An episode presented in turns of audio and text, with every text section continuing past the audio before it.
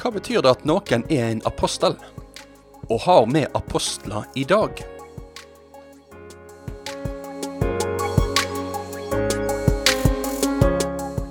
Velkommen til et eh, nytt program av Ord til liv med radio- og TV-pastor Ingvald Kårbø.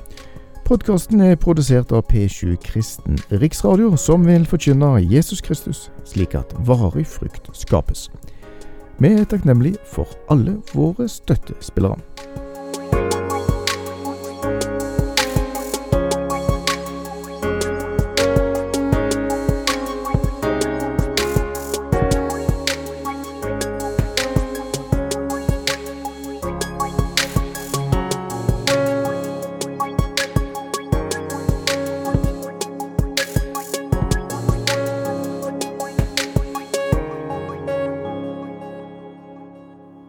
Velkommen til et nytt program av Ord til liv. Jeg heller nå på med en serie om nådegavene. Og i de første programmene så har jeg vist hvordan ei nådegave er gitt av Gud, den er gitt til menighetens oppbyggelse, og den skal praktiseres i kjærlighet. Nå er tida kommet for at vi skal begynne å se litt mer konkret på en del av de nådegavene som Bibelen nevner for oss. Grovt skissert så kan vi si at vi kan dele de ulike nådegavene i Bibelen opp i tre ulike hovedkategorier. Det er talegave, det er praktiske gave, og så er det andre gave. Leser vi i Paulus sine ulike brev, så er det ulikt hva nådegave han nevner. Og dette er kanskje et hint til oss om at vi ikke skal forvente at ei hver nådegave er like framtredende i enhver menighet. Men uansett hva brev vi går til, så er det sånn at alle hans nådegaveliste har et tydelig avtrykk. Og det avtrykket er at talegavene, de står helt sentralt. For forkynnelsen av Guds ord, det er jo helt avgjørende for Paulus. Det er jo dette ordet her, om korset, som er det frelsende budskapet som vi mennesker trenger. Uten at det er forkynnelse, så mangler da det viktigste kjennetegnet på en kristen forsamling. I dagens Ord til liv så skal vi rette blikket mot ei av de gavene som kan klassifiseres som ei talegave. Det er apostelnådegava. Hva er egentlig en apostel?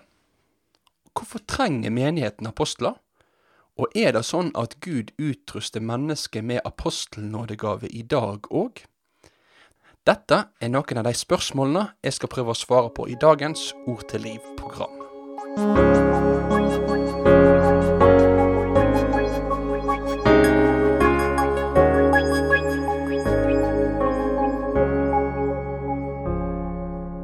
Vi leser sammen fra Efeserbrevet kapittel 2 og vers 20 til 22.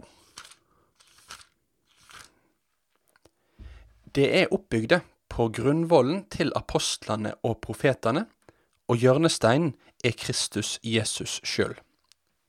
I han blir hele bygningen halden sammen, så han veks til et heilagt tempel i Herren, og i han blir det òg bygd opp til en bostad for Gud i anden. Amen. Ordet apostel da kan egentlig enkelt og greit oversettes til norsk med ordet utsending. Men når vi leser i Bibelen, så ser vi at dette ordet her det har vært hovedsakelig brukt om ei ganske avgrensa gruppe med personer. Det er Jesu tolv nærmeste læresveiner og apostelen Paulus som på en spesiell måte blir omtalt som apostler. Denne gruppa her, de har hatt en spesiell autoritet, ja, egentlig en ganske spesiell oppgave i kirka. De skulle være et bindeledd mellom Jesus og hans kirke. Før sin død så hadde Jesus en avskjedstale til sine nærmeste læresveiner, altså til apostlene. Og da fortalte han dem at Den hellige ande på en spesiell måte skulle komme til å bruke apostlene. I Johannesevangeliet kapittel 16 og vers 13-14 så kan vi lese at Jesus sa:" Men når Han kjem, sanningsanden, skal han leie dykk fram til heile sanninga. For han skal ikke ta av sitt eige, men tale det han høyrer, og forteller det som skal komme. Han skal herliggjøre meg, for han skal ta av det som er mitt, og forkynne det for dykk. Læresveinene som var samla med Jesus på skjærtorsdag, de skulle komme til å være Jesu apostler. De skulle komme til å få være Jesu utsendinger, som vitner om det som Den hellige ånd skulle åpenbare for dem. Og det handler om hensikten ved Jesu død og hans oppstandelse. Dette var de som Gud ved sin ånd skulle forklare evangeliets hemmeligheter til. Så derfor så skulle de være Jesu autoritative utsendinger, eller apostler. Men, men hva da med Paulus, tenker kanskje du. Vel, Paulus han var jo ikke da på skjærtorsdag sammen med de andre læresveinene. Det er jo først etter Jesu himmelfart at Paulus blir omvendt. Og Derfor bruker òg faktisk Paulus ganske mye plass i sine brev på å understreke at han er en Jesu Kristi apostel. Dette kan du f.eks. lese om i Galaterbrevet kapittel 1. Han måtte understreke, og han måtte forsvare sin apostoliske autoritet. Og denne apostelautoriteten, den ser det òg heilt klart ut til at de andre apostlene anerkjente. De anerkjente at Paulus, han er òg en apostel på lik linje med oss. Mitt poeng er med dette her å understreke at ordet apostel hovedsakelig i Det nye testamentet blir brukt om den gruppa mennesker som var et bindeledd mellom Jesus og kirka. Det var de som hadde i oppgave å gi den autoritative forklaringen av Jesu død, hans oppstandelse og hva konsekvenser dette hadde for kirka. Men vi må ta en liten parentes her. For det er sånn at selv om Nytestamentet først og fremst bruker ordet apostel om de tolv pluss Paulus, så finner vi òg noen tekster der dette begrepet blir brukt litt bredere. Det kan f.eks. brukes om Barnabas i apostelgjerningene kapittel 14 og vers 14. Han er da en utsending på ei misjonsreise, og han blir da sammen med Paulus da omtalt som apostel. Det kan da se ut som at eh, dette ordet her, det blir òg brukt om utsendinger i misjonsvirksomhet, kanskje litt nærmere opp mot sånn som vi i vår dagligtale bruker ordet misjonær.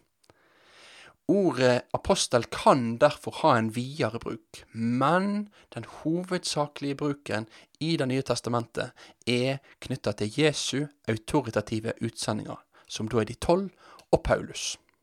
Det er denne forståelsen av den apostoliske gava som jeg òg legger til grunn i resten av dette programmet. Parentes slutt.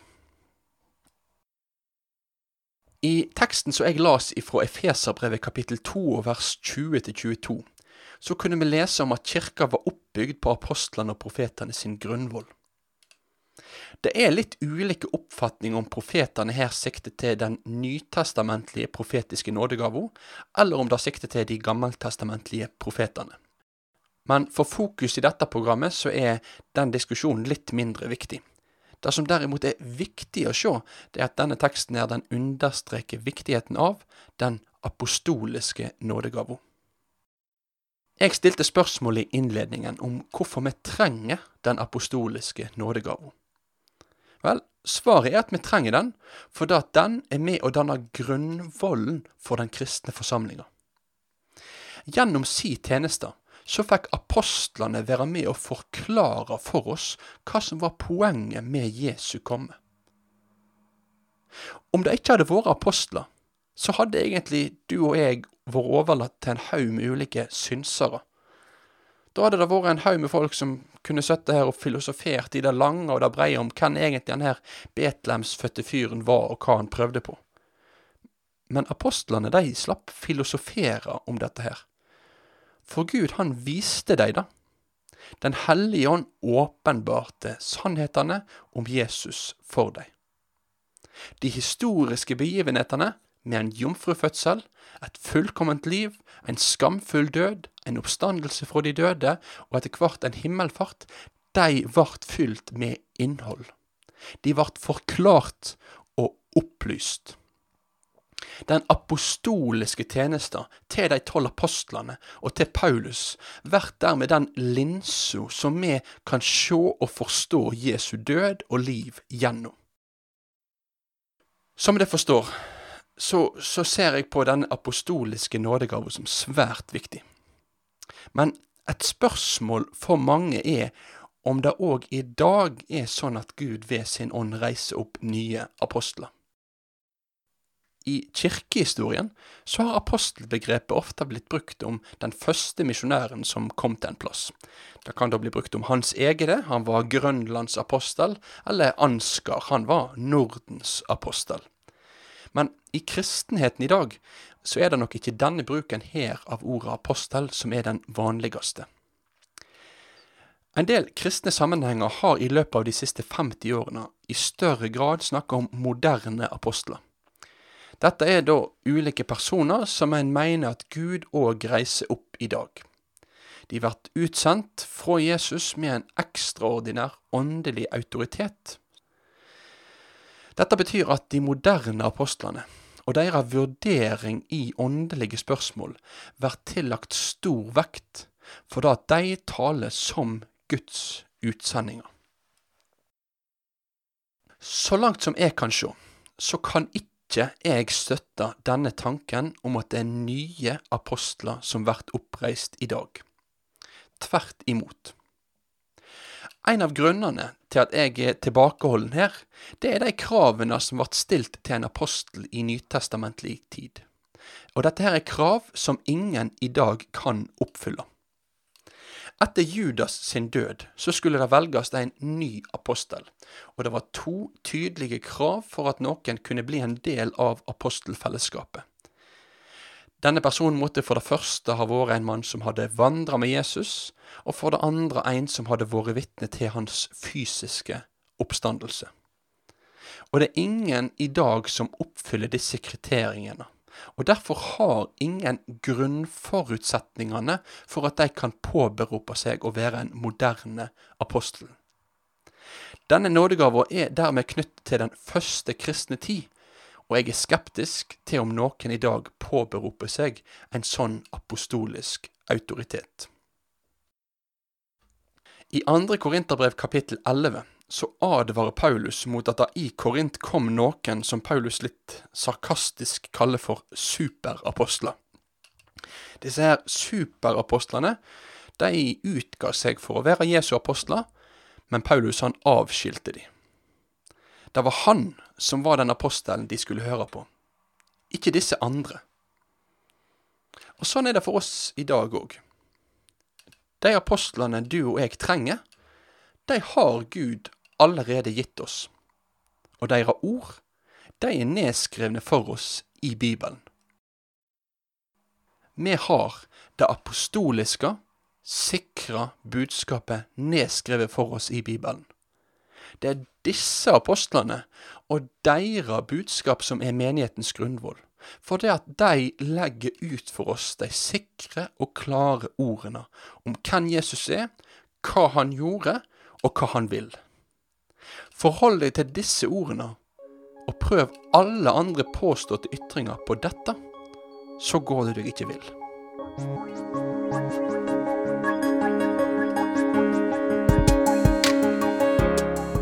Takk for at du hørte på Ord til liv med radio- og TV-pastor Ingvald Kårbe. Vi håper at podkasten har fått vært til velsignelse for deg. Og Har du tilbakemeldinger på det du har hørt, ta gjerne kontakt med oss på otl-p7.no. P7 Kristen Riksradio ønsker med sine produksjoner å gi evangeliefokusert bibelundervisning til folket. Du finner mer godt innhold på p7.no. P7 Kristen Riksradio er takknemlig for alle som støtter kanalen, både gjennom bønn og givertjeneste. Om du vil være med og legge til rette for P7s framtidige drift, så er vi takknemlige for din støtte. Vips oss da gjerne allerede nå på nummer 5477767. Takk for din støtte.